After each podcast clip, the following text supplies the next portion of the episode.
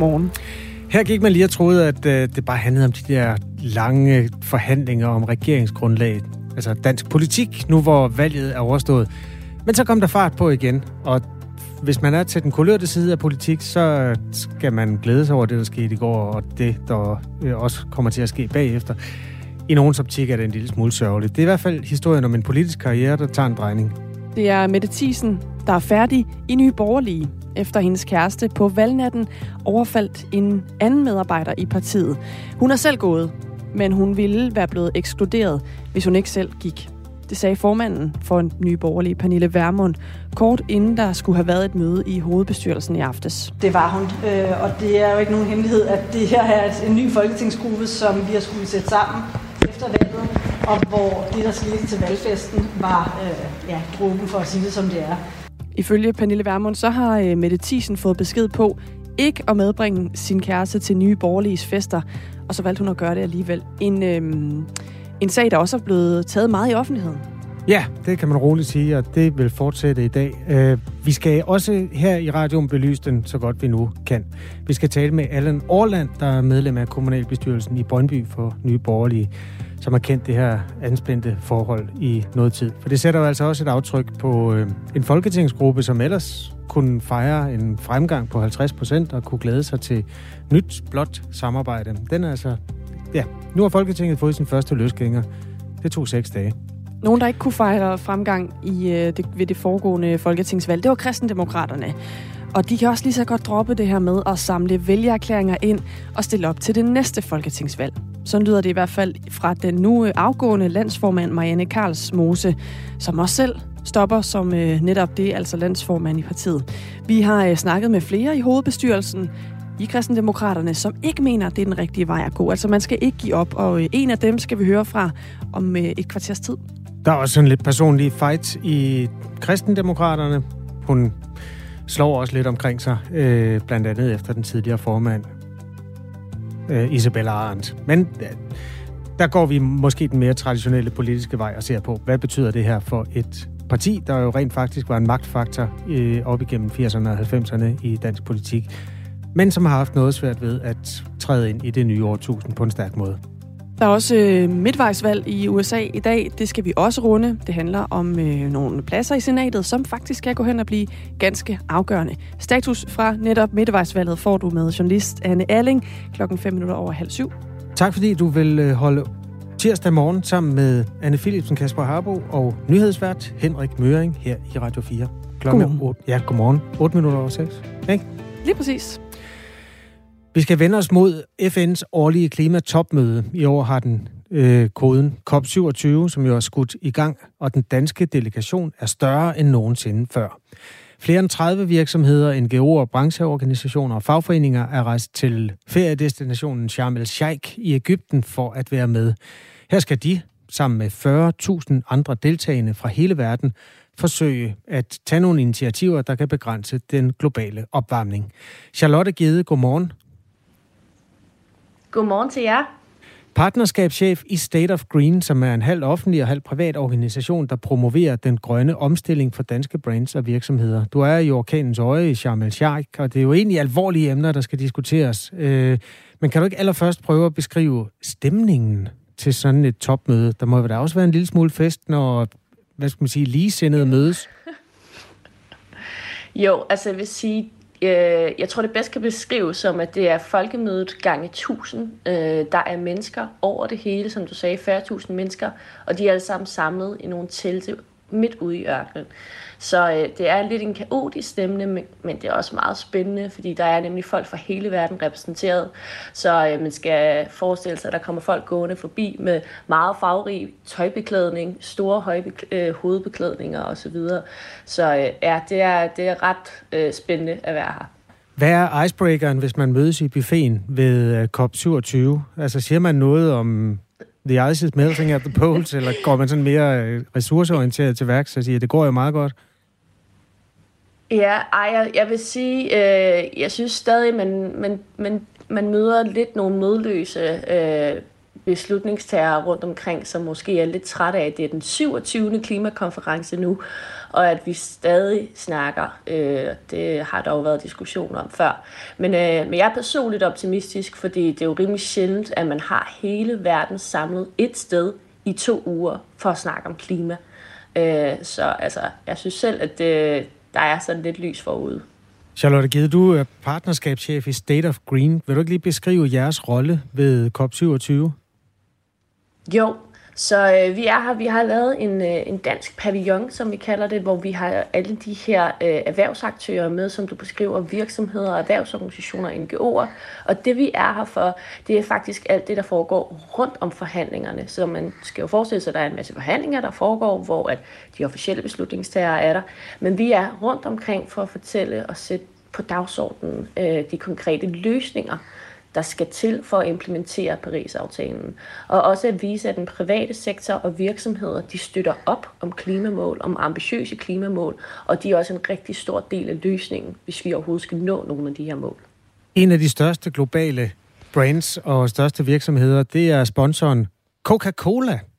Og øh, det er jo et mærke, som mange mennesker har et forhold til.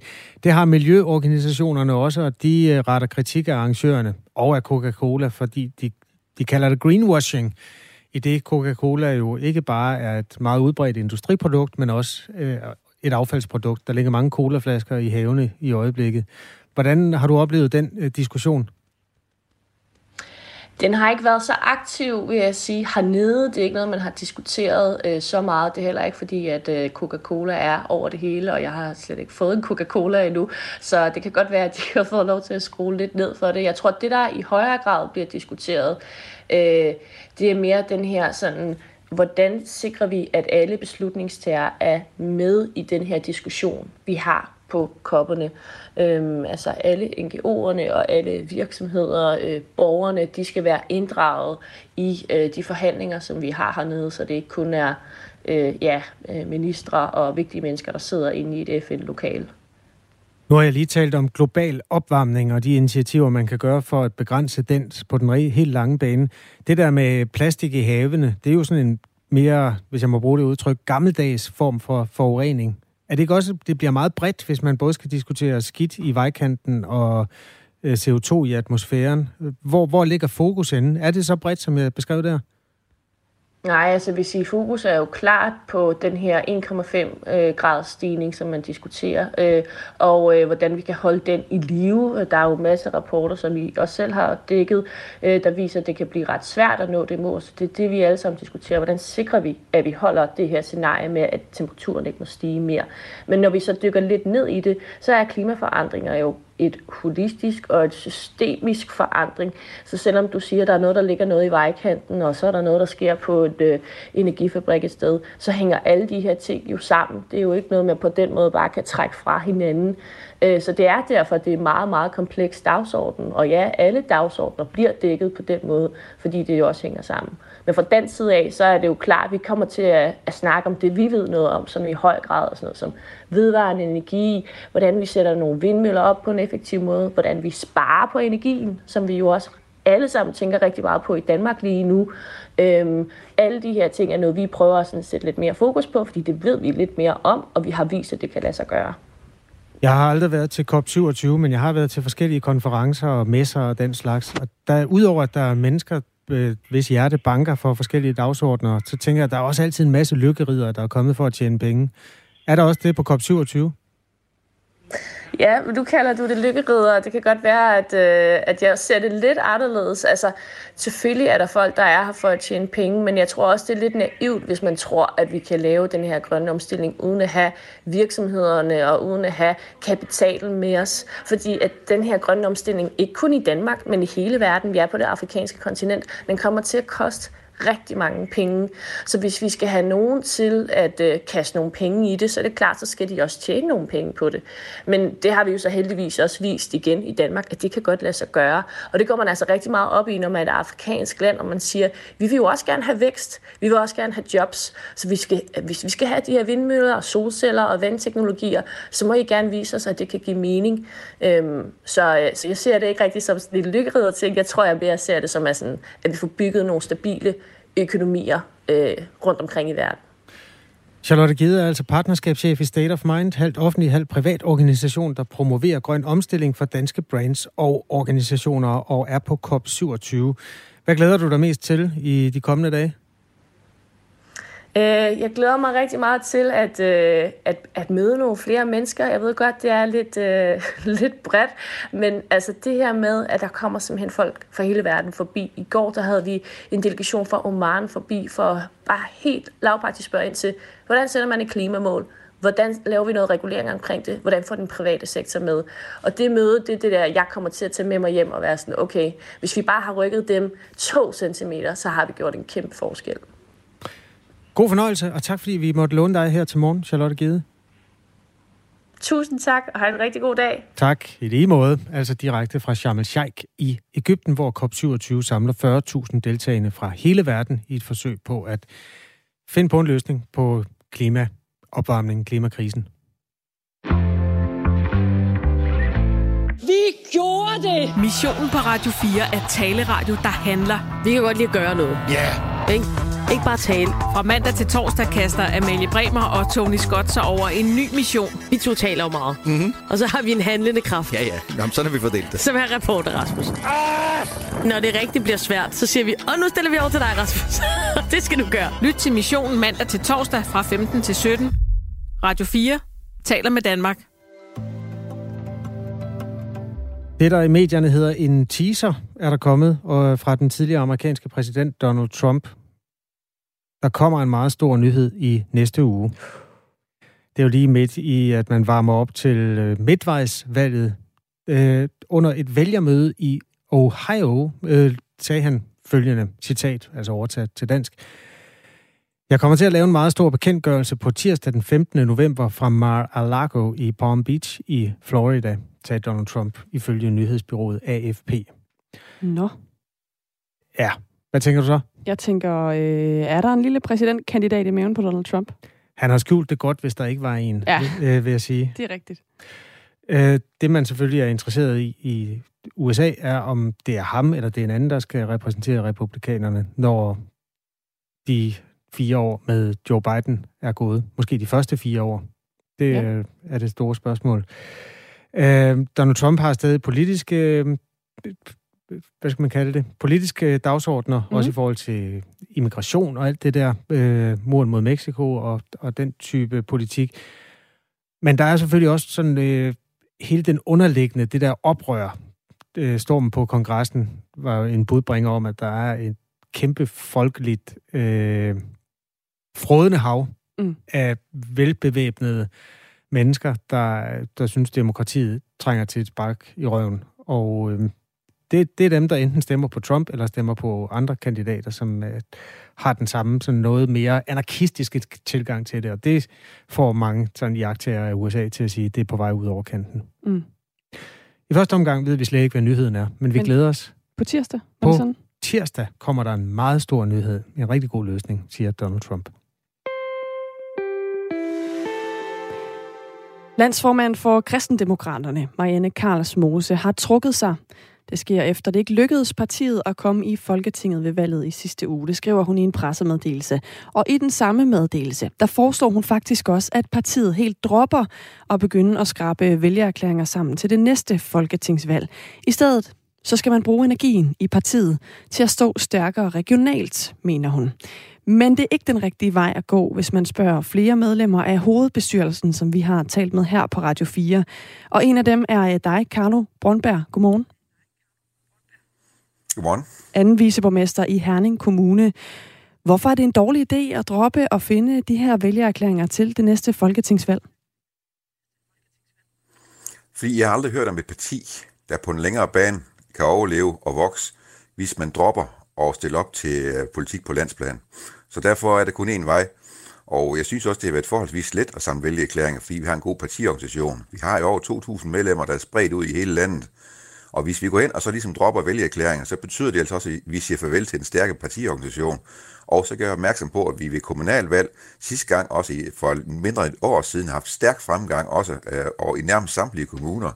Så selvfølgelig har vi tid til evaluering, men det går simpelthen ikke, at vi dropper øh, indsamling af vælgererklæringer. Men en ting er jo, at man kan få de vælgererklæringer, der skal til, de her øh, lidt over 20.000 vælgererklæringer, der gør, at man har lov til at stille op til det næste folketingsvalg. Noget andet er jo, om man rent faktisk kan komme ind i Folketinget. Hvor realistisk mener du, det er, at det lykkes for jer næste gang? Det er selvfølgelig et særdeles relevant øh, øh, spørgsmål. Jeg synes, vi har god politik på alle hylder, og der er også mange, som, som har anerkendt os for at være helhjertet i vores politik. Selvfølgelig er det noget, der skal evalueres, og det er det, vi skal bruge tiden på, samtidig med, at vi øh, samler vælgererklæringer.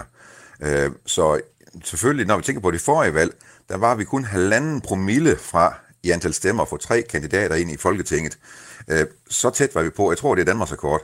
Øh, så ja, øh, jeg tror selvfølgelig på projektet. Øh, der er noget, der skal ændres i måden, vi sælger varen på, fordi vi har rigtig mange gode politikker, især inden for familier og, og børn osv. Så, øh, så, så, så jeg er sikker på, at det godt kan lade sig gøre, men det skal lige skæres lidt anderledes, og det er det, vi skal diskutere sammen med medlemmerne nu. Det var jo en øh, melding, altså den her opfordring fra øh, den nu afgående landsformand om at øh, stoppe med at have det her fokus på at komme i Folketinget, og så i stedet fokusere regionalt. Der kom i går i en pressemeddelelse. Hvor meget vidste du til, at den her udmelding kom? Det overrasker mig ikke, at øh, Marianne, hun øh, måske trækker som formand, eller noget lignende i hvert fald. Uh, fordi det er jo selvfølgelig svært ikke at tage det personligt, selvom jeg ikke synes, hun skal, for jeg synes, hun har gjort det rigtig godt. Samtidig må jeg også sige, uh, hvis man er stoppet med at samle vælgerklæringer, vi har jo på landsplan en hel masse, der er knoklet med at sætte plakater op. Vi er dækkende på nærmest hele landet, også til vælgermøder osv. osv. Og jeg vil sige, dem overser man altså lidt i det her, hvis man siger, at vi vil ikke til samle vælgerklæringer fordi de har gjort en god indsats, og de skal høres i det her også. Og på vores landsmøde havde vi så mange nye medlemmer med, som aldrig før, især unge mennesker, som kom med en stor gejst og engagement. Øh, hvis vi stopper med at samle vælgererklæringer, så vil det også være sådan, at de kommer mange steder fra i kommuner, hvor man ikke repræsenterer det i forvejen i kommunalbestyrelsen, jamen så lader vi også lidt, lidt dem i stikken. Hvad nytter det så, at de er med, hvis ikke vi er et landsdækkende parti? Men kom det bag på dig, at Marianne Karlsmose gik ud med den her opfordring i offentligheden? Altså hun øh, kom med den her, øh, det her øh, forslag om at droppe fokus på folketingsvalg? Ja, det gjorde det faktisk. Øh, det undrer mig. Det sidste, det undrer mig, altså den sidste del af, at vi skal droppe at være aktuelle på landsplan. Den undrer mig. Øh, og det er også derfor, at jeg er gået i medierne.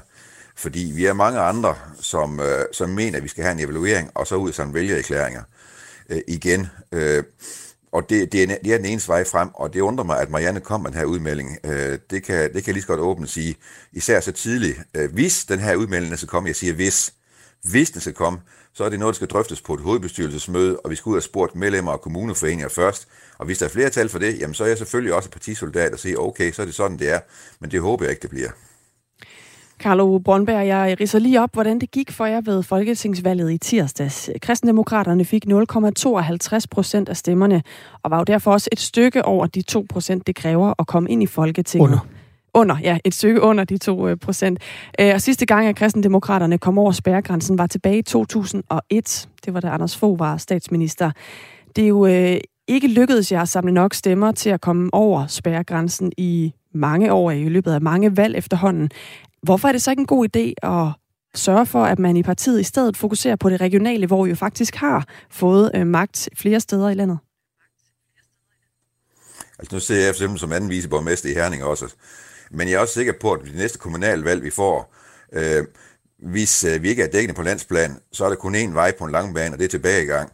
Øh, samtidig så gør jeg også opmærksom på, at vi havde fremgang i nærmest samtlige kommuner ved lokalvalg i november sidste år. Og det sætter vi også over styr, hvis ikke vi stiller op øh, til Folketinget. Jeg kender ingen partier, der på en lang bane har klaret sig godt, hverken i lokalvalg eller, eller på en anden måde i et partiorganisation, hvis man ikke er landstækkende. Du øh, siger det her med, at hvis I øh, ikke går landstækkende, så vil det få konsekvenser for os, hvordan I kan i det hele taget øh, stå som parti. Hvor ved du egentlig det fra? Altså, hvad baserer du det på? Historisk, der kender jeg ingen partier, der har overlevet på en lang bane, hvis ikke man stiller op til valg øh, på landsplan. Øh, jeg vil ikke til at nævne navn nu for andre partier, men vi kender dem godt jo. Øh, og øh, det er den vej, det kommer til at gå for KD også. Det er det, der har holdt sammen på KD i 20 år, selvom vi ikke har været inde.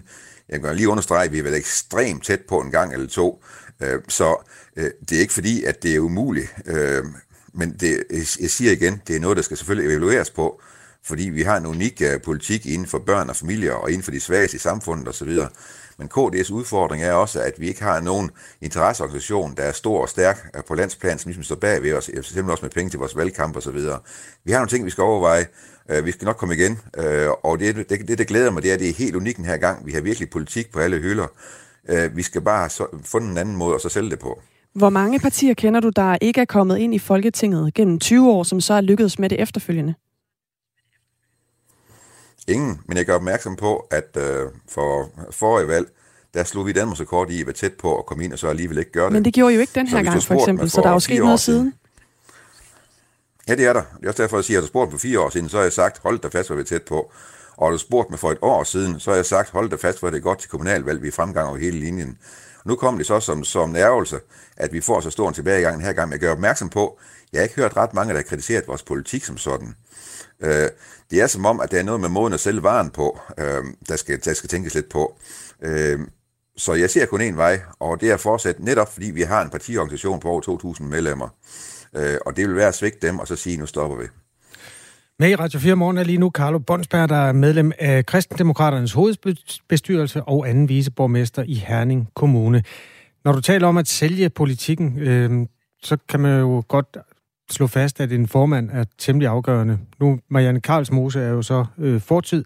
Jeg så et øh, citat, hun var citeret for på øh, øh 24-7. Det blev delt på Facebook, og det relaterer sig til den tidligere formand, Isabella Arndt, der stod i spidsen ved det meget fine valg, hvor I var lige ved at komme ind for fire år siden. Øhm, her svinger Marianne Karls Mose håndtasken lidt og siger, at Isabella Arndt øh, gav reelt et dødstød Øh, hun prøvede chancen, og så fandt hun ud af, at hun havde lettere ved at komme igennem hos konservative. Og øh, der var sådan en lille smule fryd der øh, bygget ind i, i sætningen. Altså sådan en form for bitterhed over for den tidligere formand. Det leder mig hen til for det første at spørge, er der noget bitterhed internt? Og for det andet, hvem skal egentlig være formand nu? Hvad skal, hvilken person tror du, der skal til? Jeg har faktisk ikke oplevet bitterhed øh, intern, og øh, jeg har også hørt gang på gang stor ros til indsatsen, både fra Marianne, men så sandelig også fra mange af politiets, øh, medlem, øh, partiets medlemmer, der har været ude at arbejde for, for at køre valg i forskellige lokale steder. Men det er logisk. Nu skal vi til at tænke os rigtig godt om på det kommende hovedbestyrelsesmøde, vi har nu på lørdag. Øh, hvilken, hvilken profil skal vi have fundet? Og øh, den er jeg usikker på. Jeg lader ikke til at pege på noget her i medierne lige nu i hvert fald. Øh, men, men jeg er da sikker på, at øh, vi virkelig... Jeg forestiller mig, det er en, der skal øh, være øh, lige nu fagnende for at høre medlemmernes holdning, øh, som har som har evner til at, øh, til at lytte til medlemmerne. Ikke fordi jeg siger, at de andre ikke har på den måde, men det er den profil, vi har brug for lige nu i en evalueringsfase, måske på en års tid. Og så kan det godt være omkring næste landsmøde, vi har til efteråret, altså i efterårsferien næste år, der kan det så godt være, at vi skyder en formand i stillingen, som måske øh, vil til at sælge det, som vi har fundet ud af. Om det er så er samme person, det er selvfølgelig ikke. Men det kan godt være meget svært at finde en person, der kan fagne det hele på én gang. Fordi hvis man er god til at sælge varen foran en kamera, så er det ikke nødvendigvis det samme som, at man er god til organisationsarbejde, eller til at lytte til medlemmerne om, hvad det er for en politik, der skal skæres til. Så det bliver lidt af en udfordring.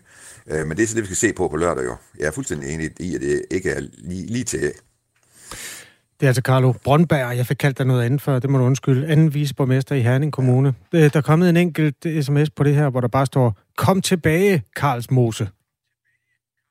Siger du også det, Carlo?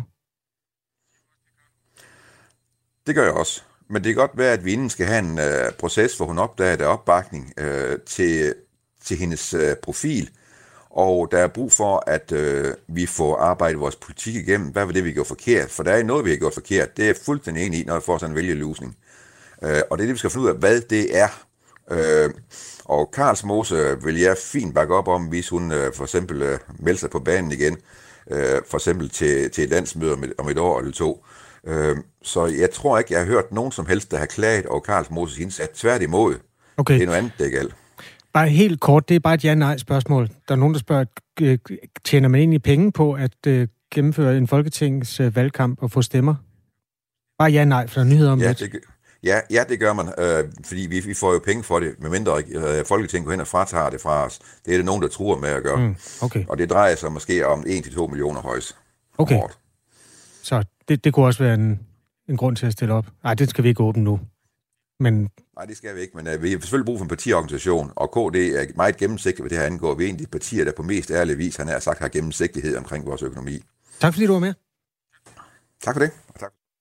Selv øh, tak til dig, Carlo Brøndsbjerg, medlem af Kristendemokraternes hovedbestyrelse og anden viceborgmester i Herning Kommune. Nu er klokken halv syv.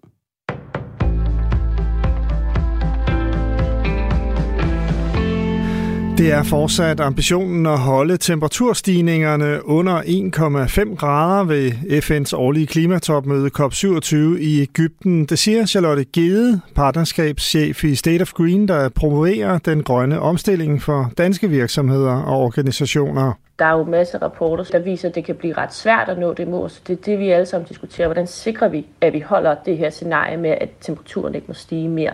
Mere end 30 virksomheder, NGO'er, brancheorganisationer og fagforeninger fra Danmark deltager i COP27, der for alvor begynder i dag. Vi kommer til at, at snakke om det, vi ved noget om, som i høj grad er sådan noget som vedvarende energi, hvordan vi sætter nogle vindmøller op på en effektiv måde, hvordan vi sparer på energien, som vi jo også alle sammen tænker rigtig meget på i Danmark lige nu. Øhm, alle de her ting er noget, vi prøver at sådan sætte lidt mere fokus på, fordi det ved vi lidt mere om, og vi har vist, at det kan lade sig gøre. 12 banker fik lov til at påvirke et lovforslag om udbytteskat. De internationale banker fik i hemmelighed indflydelse på et lovforslag, da den danske regering i 2018 forsøgte at forhindre en ny skandale med udbytteskat. Det fremgår af bogen af hensyn til erhvervslivet, skrevet af DR-journalist Jesper Thunel ifølge Politikken. To punkter i lovforslaget blev fjernet efter, at nogle af verdens største banker havde mødtes med embedsmænd i Skatteministeriet. De to regler skulle have gjort det lettere at identificere ejere bag aktioner, som der kræves udbytte refusion for. Otte år senere arbejder Skattestyrelsen stadigvæk på at finde en model, der gør det muligt at kontrollere, at en ansøger faktisk har krav på refusion af udbytteskat. Selve demokratiet er på spil ved midtvejsvalget i USA i dag. Det sagde USA's præsident Joe Biden i aftes ved et vælgermøde i Maryland. We know in our bones that our democracy is at risk, and we know that this is your moment to defend it. And I want you to know we'll meet this moment. Remember, the power in America lies where it always does in your hands, the hands of the people. Vi ved helt ind i vores knogler, at demokratiet er på spil, sagde præsidenten ifølge PBS. Midtvejsvalget afgør, hvem der har flertal i USA's parlament, kongressen, som består af to kammer, senatet og repræsentanternes hus. Kun en uge efter valget har Folketinget fået sin første løsgænger. Mette Thiesen har meldt sig ud af nye borgerlige efter en sag om hende og hendes kærestes opførsel over for en partiansat. Sofia Levering fortæller. Det hurtige exit er rekord, siger Helene Helbo Pedersen, der er professor ved Aarhus Universitet. Hun forsker blandt andet i partiskift og politikernes holdninger til at repræsentere deres vælgere og deres parti. Vi har ikke tidligere set nogen, der forlader deres parti på nationalpolitik allerede efter en uge. Nye Borgerliges formand Pernille Vermund kalder det både tageligt og uhederligt, at Mette Thiesen er blevet løsgænger og ikke i stedet overlader sit mandat til en suppleant i partiet. Ifølge Helene Helbo Pedersen er der ikke tal for, hvor tit løsgængere giver deres mandat videre. Netop det at blive løsgænger tyder på, at man ikke har lyst til at give sit mandat videre. Som løsgænger bliver man så nødt til at finde sig et nyt hjem i et andet parti, eller finde et nyt job, og så nedlægger man sit mandat, og mandatet vender tilbage til partiet. Mette Thiesen var Nye Borgerliges første folkevalgte nogensinde, da hun i 2017 blev valgt til kommunalbestyrelsen i Hillerød Kommune for partiet. I 2019 blev hun valgt ind i Folketinget, og tirsdag blev hun genvalgt med over 4.000 personlige stemmer. Først regn, senere måske lidt sol, temperaturer omkring 13 grader.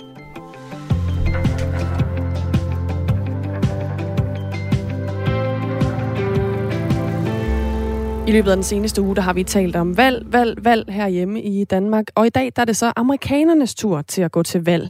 For når øh, de står op om et par timer, nogle steder i hvert fald, så skydes midtvejsvalget i USA i gang. Og der skal både vælges nye guvernører i de 50 delstater, men måske vigtigst af alt, så skal der også vælges nye medlemmer til kongressen. Og i løbet af de næste dage, så bliver det så afgjort, om demokraterne beholder det snævre flertal, de har lige nu, eller om republikanerne kan vinde flertallet i huset og senatet, og dermed gør livet surt for Joe Biden, præsidenten, de næste to år. Det er et valg, som øh, ligesom det danske har fokus på den vaklende økonomi, men som også bliver set som et skæbnevalg for demokratiets tilstand. Og alt det skal vi dykke ned i nu sammen med dig, Anne Alling. Godmorgen. Godmorgen. Du er journalist, og vi skal øh, starte med at se nærmere på en af de allermest afgørende svingstater, Georgia. Hvordan er øh, situationen her? Men i langt de fleste øh, delstater, og også her i, i Georgia, der kan man stemme tidligt.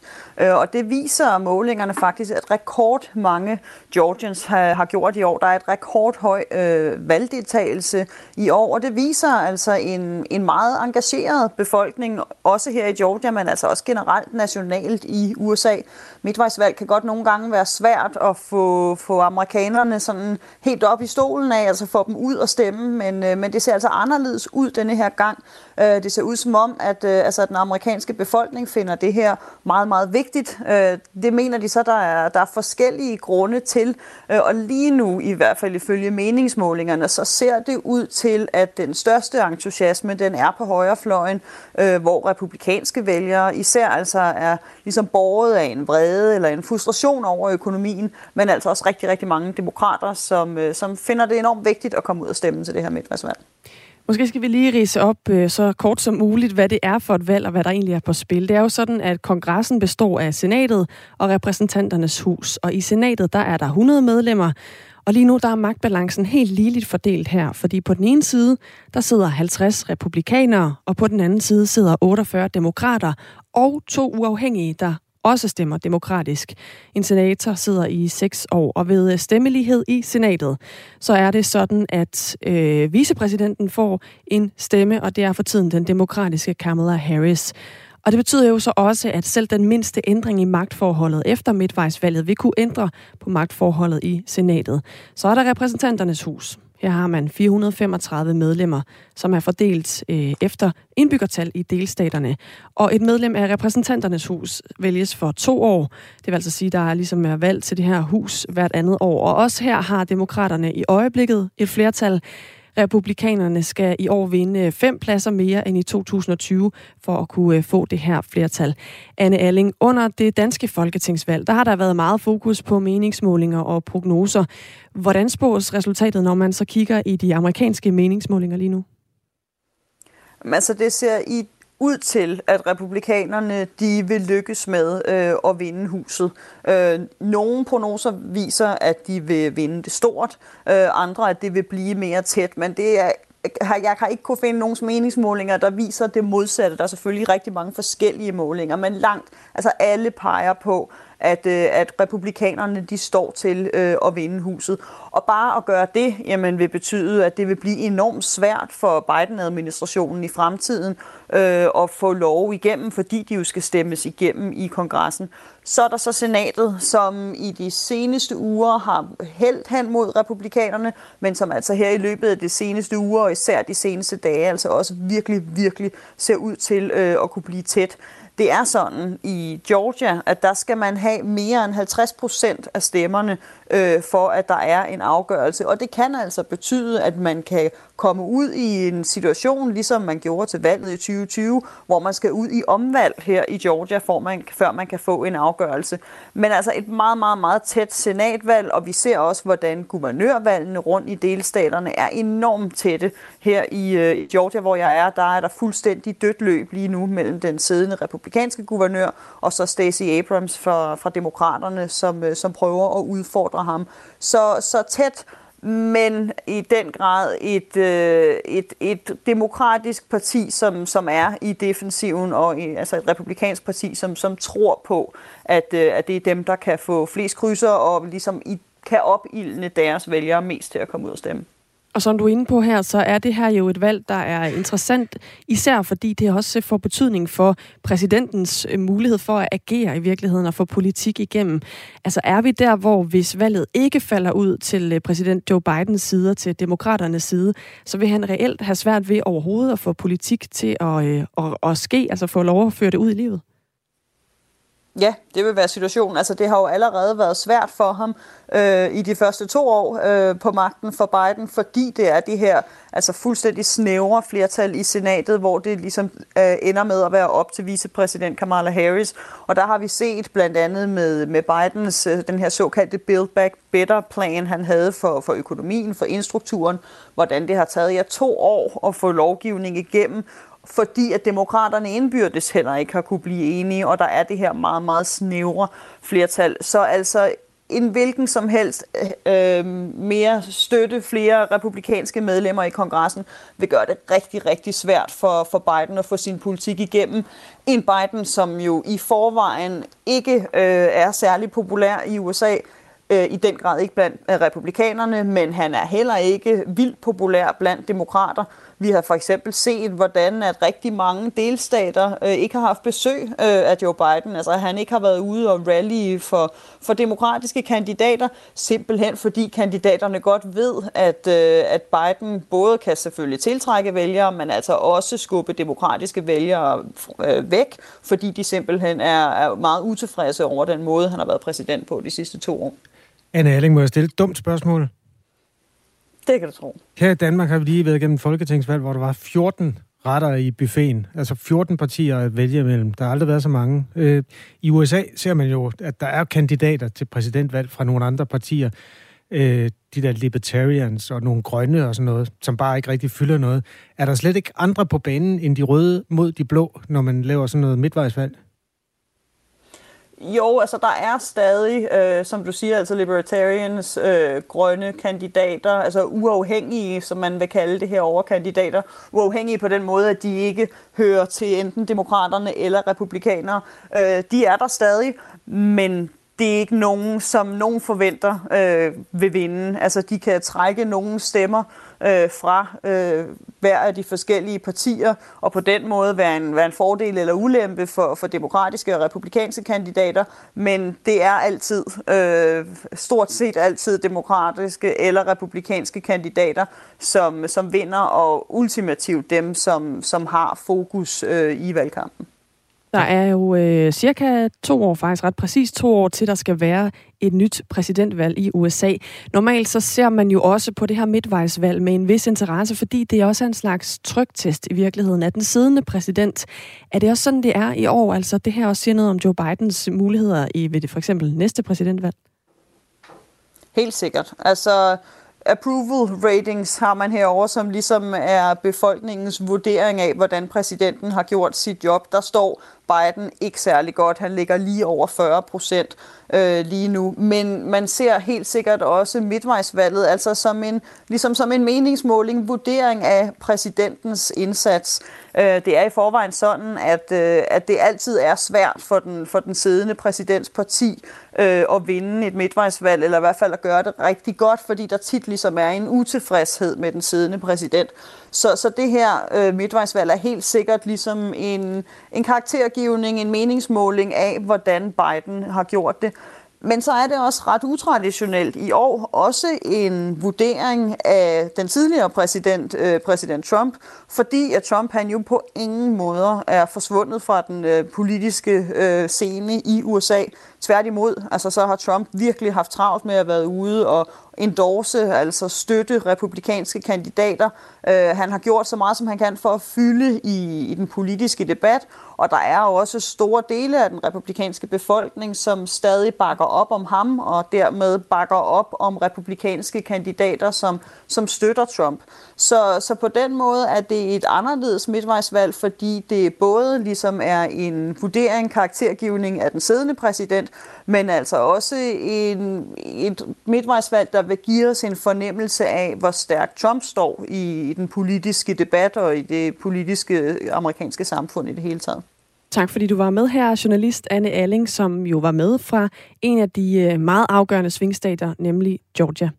Der er mange stemmer, der skal tælles i USA, så det kan altså godt tage nogle dage, før vi har et endeligt valgresultat. Men de første sådan øh, optalte stemmer kommer til at rulle ind i løbet af nat og i morgen tidlig dansk tid. Og der skal vi selvfølgelig nok øh, også følge op på, hvordan det her skæbnevalg det så egentlig er gået i USA. Klokken er kvart i syv. Se og Hør har slået et slag for et interview, der ligger på YouTube med to søstre. Det, det sådan, lyder ret traditionelt i starten. Ja. I'm Carmen. I'm Lupita. Lovely. Can I ask how old you guys are? We are 21. Carmen og Lupita. På 21. Ja, det er sådan øh, ret normalt. Ja. Det, der er lidt unormalt, det er, at de har kun én underkrop, men to overkroppe. Nå, så de er så, hvad hedder det, siamesiske øh, tvillinger? Mm. Nå. Det, øh, det er det. Og der, der er nogle genvordigheder, fordi man har jo ikke altid, altså det er der faktisk lavet satire over, Ja. ja. også på dansk fjernsyn, men altså, de har jo ikke altid sådan samme personlighed. Nej. Øhm, de får nogle ret interessante spørgsmål i det her interview. Um, are you able to like read each other's like emotional states really well? Yes, yes, actually. Um, we both kind of have anxiety. Lupita has it a little bit worse than I do. It's more of like a gut feeling, if that makes any sense. Yeah. I am a very big introvert, but because she doesn't like to speak a lot to new people, I kind of am forced to become more of an extrovert, and she Det her det er sådan et ret interessant dilemma, der nogle gange overgår de to søstre. Altså, at den ja. ene er meget, altså meget, meget stille, og den anden er kun lidt stille. Ja. Når de så møder nye mennesker, så er det den mindst stille, der er nødt til at tage ordet efter noget tid, fordi den anden siger ikke en skid. Det kender man jo godt, hvis man nogle gange er sammen med nogen Mm. til et arrangement, ikke? hvor man øh, ligesom følges ad, og så er den anden bare, så skal man trække læsset. Ja, og der kan man tænke, næste gang, der tager jeg ikke uh, Lupita med. Men det, Det gør kan hun. de ikke, ja. Der er også nogle andre dilemmaer i deres måde at uh, leve på. Altså, det er et super uh, livsbekræftende interview. De er simpelthen så vanvittigt søde. Mm. Og det er bare to unge kvinder, der tilfældigvis hænger fast på den samme uh, underkrop. Øhm, men uh, de har heller ikke sådan helt samme tilgang til det med kærester. Uh, den ene Mm. er aseksuel, og det er den anden ikke. Nå, hvordan søren løser de det? Ja, øhm, altså der, der er ikke sådan en, en seksuel akt, som jeg forstår det. Nej. Men det der med at kunne se sin boyfriend, det, Mm. det, giver, det gør de redde for, at det er simpelthen, det er virkelig svært at løse. De har ikke knækket den endnu. Nej, det kan jeg da egentlig godt. Det kan jeg da heller ikke lige knække for dem, når jeg Nej. lige sidder her og tænker. Altså, jeg, jeg, det her det er bare en anbefaling til den ja. fjernsynskanal, der hedder YouTube. Gå ind og find, altså Carmen og Lupita interview. Der er de to øh, damer der, det er fantastisk. Altså, livet finder, finder en vej altid. Jeg Det er så elsker dejligt. det. Ja, det er det altså.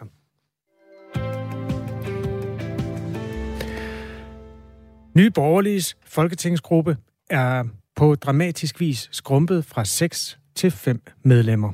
Ovenpå et ellers fantastisk godt valg øh, skete der det, at et af de mere prominente medlemmer af partiet i går meldte sig ud og er nu blevet løsgænger. Det skete efter, at hendes kæreste har troet og overfaldet en medarbejder i Nye Borgerlige. Det skete på valgnatten, og derfor kunne hun ikke være med i partiet længere. Det er hende selv, der er gået, men hun ville være blevet smidt ud, hvis ikke hun selv havde gået. Det siger formand Pernille Vermund. Det var hun, øh, og det er jo ikke nogen hemmelighed, at det her er en ny folketingsgruppe, som vi har skulle sætte sammen og hvor det, der skete til valgfesten, var øh, ja, dråben for at sige det, som det er. Ifølge Pernille Vermund, så havde Mette Thiesen fået besked på, at hendes kæreste ikke var velkommen til nye borgerlige fester, for der var øh, forspil til det, der kulminerede på, på valgnatten allerede, hvor hun altså valgte at tage ham med alligevel. Og nu har man mistet et folketingsmedlem. Allan Orland sidder i kommunalbestyrelsen i Brøndby Kommune, valgt for nye borgerlige, og har faktisk også kendt til det her anspændte forhold. Godmorgen, Allan Orland. Jamen, godmorgen. Hvornår hørte du første gang om det anspændte forhold mellem Mette Thiesens øh, mandlige kæreste her, og så medarbejderen i Nye Borgerlige, som også er en mand? Ja, altså vi har jo øh, hørt om det i, partiet over en længere periode, desværre. Øhm, men det er jo først, altså jeg var ikke klar over, hvor, hvor alvorligt det var, før at det, det kom frem i, i medierne. Hvordan talte man om det internt i partiet? Eller i organisationen? Jamen, man, man har vurderet det som en privat sag jo, og man har tænkt, at øh, Mette nok vil komme til fornuft og få snakket med hendes kæreste og, og få, få ham dæmpet. Men, men altså, det viser at det var hun ikke voksen nok til, desværre, at tage det ansvar og, og få det stoppet. Og hun har jo fået, øh, som det også fremgår af medierne, øh, forskellige advarsler og gode snakke omkring det her. Men altså, hun har jo valgt at, at holde fast i, i kæresten, og så, når hun så ordentligt købet sig ham med på valgaften, som jo hun havde fået at vide, det skulle hun ikke, så, så øh, det er jo fuldstændig tåbeligt. Det var drøn ærgerligt. Der var en lille smule i medierne i går om, hvad der var gået forud. Blandt andet, at den her kæreste skulle have troet den medarbejder i partiorganisationen med, øh, altså troet, forsøgt at true vedkommende til at sige sit job op. Var der andre ting, der var sket forud? Altså ikke, øh, hvad jeg kender til. Øhm, andet end, at der selvfølgelig har været et anspændt forhold, og der har været jalousi på den store skala, kan man sige. Altså, det er jo en, en medarbejder, som Mette Thiesen har haft et forhold til tidligere.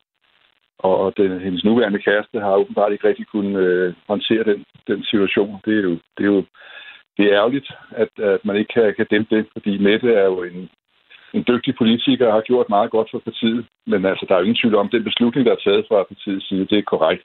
Jeg vil faktisk sige, at den skulle have taget før valget.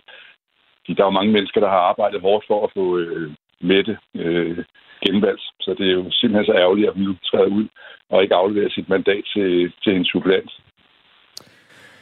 Der er et af de mennesker, der hører det her radioprogram, der har skrevet til os.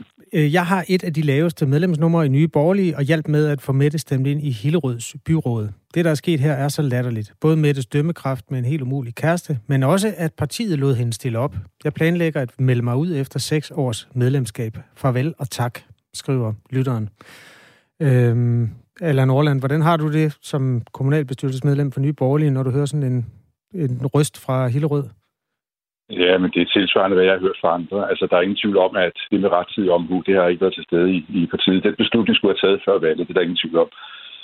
Altså, jeg tror desværre, at man har, har set lidt på det, at hun har været en god stemmesluger, og at øh, vi kunne tage hende til fornuft og få det her til at køre. Men det har så vist sig, at, at det har man ikke kunnet.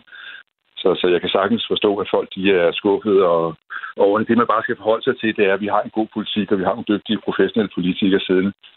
At der så er en mindre nu, det, det er jo det er ærgerligt. Øh, men det er også en kommentar, jeg har hørt flere gange i går. Det her det er Radio 4 Morgen, og vi taler altså med Allan Orland, der sidder i kommunalbestyrelsen i Brøndby Kommune for Nye Borgerlige. Det her det handler om, at øh, Mette Thiesen altså nu har forladt Nye Borgerlige og er blevet løsgænger. Der er en lang forhistorie, der handler om et øh, kærlighedsforhold, først mellem hende og en øh, medarbejder i Nye Borgerlige, og så siden et overfald på bemeldte medarbejder, som er øh, ja, som hendes øh, kæreste, altså Mette Thiesens nye kæreste nu, stod bag og samlever, så vidt jeg forstår. Øhm, der er også ifølge Pernille Vermund en forhistorie, der handler om, at kæresten har sendt intimiderende, intimiderende og truende beskeder til medarbejderen i Nye Borgerlige. Pernille Vermund, altså formand for Nye Borgerlige, udtalte i går inden et møde i Nye Borgerliges hovedbestyrelse, at hun gik efter at få øh, ekskluderet Mette Thiesen, og det var sket, hvis ikke hun havde øh, meldt sig ud. Det her det er sådan en masse øh, beskidt vasketøj, eller en Orland. Øh, hvordan har du det ja. med det, at jeres parti øh, har sådan en sag? Jamen, jeg har det rigtig, jeg er rigtig trist over det. Og man kan sige, at den kommunikation, der har været til den medarbejder, har foregået via Mette Thiesens sociale medier, blandt andet. Så, så, så hun har jo været medvirkende. Hun har været fuldt ud klar over, over det. Altså, og det er jo også trist, når man læser, hvad hun skriver på Facebook i går, at hun ser sig selv som offer, og der er jo kun et offer i den sag her. Det er den medarbejder, vi har inde i sekretariatet. Det er absolut ikke medicinen. Så, så der er ingen tvivl om, den beslutning, partiet har taget, Pernille Vermund har taget, den er korrekt. Hvis vi kan ikke samarbejde med sådan en person. Men, øh, det skal jeg lige forstå, det du sagde, at Mette Thiesens sociale medier er blevet brugt til at tro den her medarbejder med. Altså, det, har hun stået som afsender på noget af det? Ja, jamen, det har hun. Altså, han har brugt øh, hendes sociale medier til at kommunikere til den her medarbejder blandt andet. Ja. Kan det være sket uden, at hun vidste, at han var logget ind på hendes konto? Ja, altså man kan da forestille sig i det, der har været den form for jalousi fra hans side. Han har måske har krævet at få adgang til sociale medier, og så, det er ikke, så har han så vel skrevet måske uden hun har siddet lige ved siden af. Det kan man sagtens tænke sig. Men altså, det er jo noget, man, man, man skal være klar over, hvis man har sådan en kæreste, der har den holdning, og så har adgang til en sociale medier, så må, burde man jo være voksen nok til at kunne forstå, at det kan skabe nogle problemer. Der skete altså det her voldelige overfald, som er meldt til politiet. Det overfald, der skete på valgnatten, hvor han også blev smidt ud af, øh, fra festlighederne der, og nu har Mette Thiesen så forladt øh, nye borgerlige. Øhm, hun giver jo ikke sit mandat videre, men fortsætter som løsgænger. Hvordan har du det med det? Jamen, det er jo det er drønne ærgerligt, og jeg, jeg, har, jeg, har, jeg har det rigtig trist over alle de mennesker, der arbejder hårdt for, at hun blive genvalgt. Fordi de, de vil føle sig fuldstændig til grin. Altså, det, det er helt uforståeligt, at hun ikke kan mande sig selv op og så sige, det mandat, det tilhører Nye Borgerlige, ikke mig. Men, men, men det har vi jo set desværre i andre sammenhænge, i andre partier også, at man beholder mandatet, men altså, det, det er helt forkert. Det, det er ærgerligt. Tror du ikke, at det er hende, der har fået stemmerne, fordi hun er Mette Thiesen? Tror du, hun har fået dem, fordi hun er fra Nye Borgerlige? Ja, det er jo et mix. Altså, hun har jo gjort det godt, og hun har været meget inde i det familieretslige, og hun har jo haft en god, hvad skal man sige, performance. Der er jo hendes YouTube-videoer, hvor hun fortæller om, øh, hvad der sker i Folketinget, har jo haft øh, mange seere, og hun har trods alt også fået over 4.000 personlige stemmer, så der er ingen tvivl om, at hun personligt har kunnet trække en hel stemmer til sig. Og jeg tror også, truslen måske ligger i, hvis hun var stoppet før valget og gået over til et andet parti, så kunne hun nok også have trukket nogle flere stemmer derover, så vi har haft dårligere valg. Altså, der, det, men det er svært at vide. mm. Men hun har, en god person, hun har jo en til en god personlighed, og hun har gjort det godt for partiet i mange år. Så det er simpelthen så drøgende ærgerligt, det her. Det er det bare. Vi skal jo lige sige til de mennesker, der lytter med, at vi har selvfølgelig ragt ud til Mette Thiesen og inviteret hende til at øh, fortælle selv, hvordan hun har oplevet den her situation, som, ja, hvor hun også beskriver sig selv som en form for offer for noget, der er sket. Altså, det lyder jo som om, at der nærmest er vold, der også øh, rammer hende. Altså, har du indtryk af, at det her det er en kvinde, der lever i et sådan halvfarligt eller voldeligt ægteskab? Mm. Nej, det har jeg ikke indtryk af. Okay. Det har jeg ikke, men altså, desværre det har jeg ikke indsigt i. Det kender jeg ikke til. Jeg spørger også, fordi der er flere af vores lyttere, der sådan reagerer på det der. Og nu er vi jo inde i privatsfæren, hvor det ikke har noget med politik at gøre. Men nu fik vi jo ligesom løftet den der. Okay, nu er der så en, øh, en, et folketingsmedlem mindre i Nye Borgerlige, Allan Orland. Du sidder så på kommunal politisk hold og skal være en del af en organisation, der bare skal komme videre hurtigst muligt. Hvad er næste skridt for, den, for at få det her på afstand? Jamen, næste skridt er at fortsætte den gode politik, vi har ført i Nye Borgerlige gennem flere år, og vi må holde fast i de kerneværdier, som vi har i, i partiet. Og jeg synes udadtil, selvom det er en kedelig sag det her, så viser det jo også, at vi har handlekraft, og vi tager de rigtige beslutninger, når det viser sig, at medlem ikke kan leve op til de forventninger, vi har til, til et medlem, og især et folketingsmedlem. Så, så jeg føler, at altså, vi, vi står stærkt som parti, og vi skal nok komme hurtigt. Vi skal nok komme godt igen. Men, men det er selvfølgelig, som du også selv er inde på, der er nogle mennesker her, der er skuffet over, at, at det er sket. Men når man lige får tænkt så lidt om, så kan man også godt se, at det, det var den eneste beslutning. Altså, der kunne ikke gøres andet fra partiets side, end at og nu valgte vi så, altså hun blev ikke ekskluderet, hun nåede jo at, at gå ud selv, men, men altså hun var jo blevet ekskluderet, hvis ikke hun selv havde valgt det. Så det, det er den eneste rigtige beslutning. Men vi skal videre, og vi har nogle dygtige folk siden i, i Folketinget, og vi skal nok løfte en hel masse gode opgaver, som, som øh, de har gjort i den sidste valgperiode.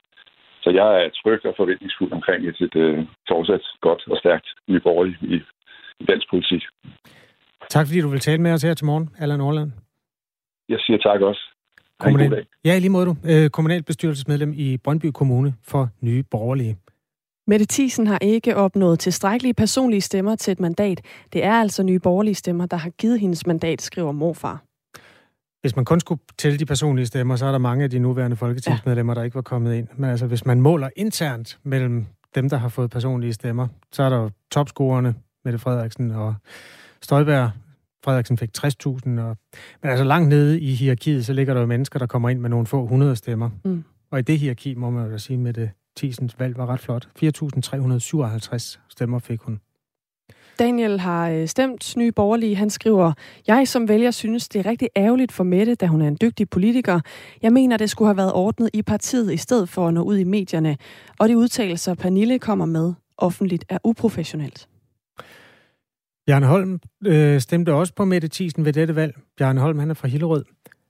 Nu må vi kræve omvalg. Det kan jo ikke passe, at Mette Frederiksen fik så mange stemmer. Det nye valgsystem, Smartmatic... Åh oh, gud, hvad nu det er for en... Det er ikke en skid med det her at gøre. Bjørn Holm, dine konspirationsteorier, dem tager vi lige på et andet tidspunkt. Men øh, ja, øh, tak for sms'en. Man skal skrive til 1424. Vi øh, kommer til at tale med vores politiske redaktør, Thomas Larsen, om øh, den her sag klokken 10 minutter i 8. Og så øh, forsøger vi også, øh, selvfølgelig øh, har forsøgt med det Thiesen hele dagen i går. Hun er ikke vendt tilbage på vores henvendelser, som du også sagde før. Vil vi jo rigtig gerne have talt med hende. Det her er Radio 4 morgen, og der er også andet i dansk politik end de her personopgør. Der er for eksempel den spændende forhandling om, hvor regeringsmagten skal lande. Øh, det er jo en af de kabaler, som vi har et vågent øje til i Radio 4 morgen efterhånden, som den skrider afsted. Der er nye forhandlinger i dag på Marienborg, går jeg ud fra, eller hvad? Ja. Vi har ikke hørt andet. Jo, det er der. Altså fra formiddagstid. Øh, jeg kom lige ud af mit uh, manuskript. Kan du ikke fortælle, hvad der ellers er Jo, på... det kan jeg da. Vi skal også tale med Marianne Karlsmose om 20 minutters tid. som jo altså har foreslået, at øh, kristendemokraterne, som hun nu stopper som landsformand hos, skal droppe landspolitikken og i stedet øh, fokusere mere på det sådan regionale politiske område. Hun mener det der, at man ligesom øh, kan få mest indflydelse som kristendemokrat. Det har fået øh, kritik fra, fra flere i baglandet og i hovedbestyrelsen, der synes, det ikke er den rigtige prioritering. Og det skal vi selvfølgelig øh, spørge Marianne Karlsmose ind til, når hun er med klokken 20 minutter over syv. Vi skal også finde ud af, hvorfor Putin ødelægger Ukraines infrastruktur. Allerførst nyheder med Møring klokken 7.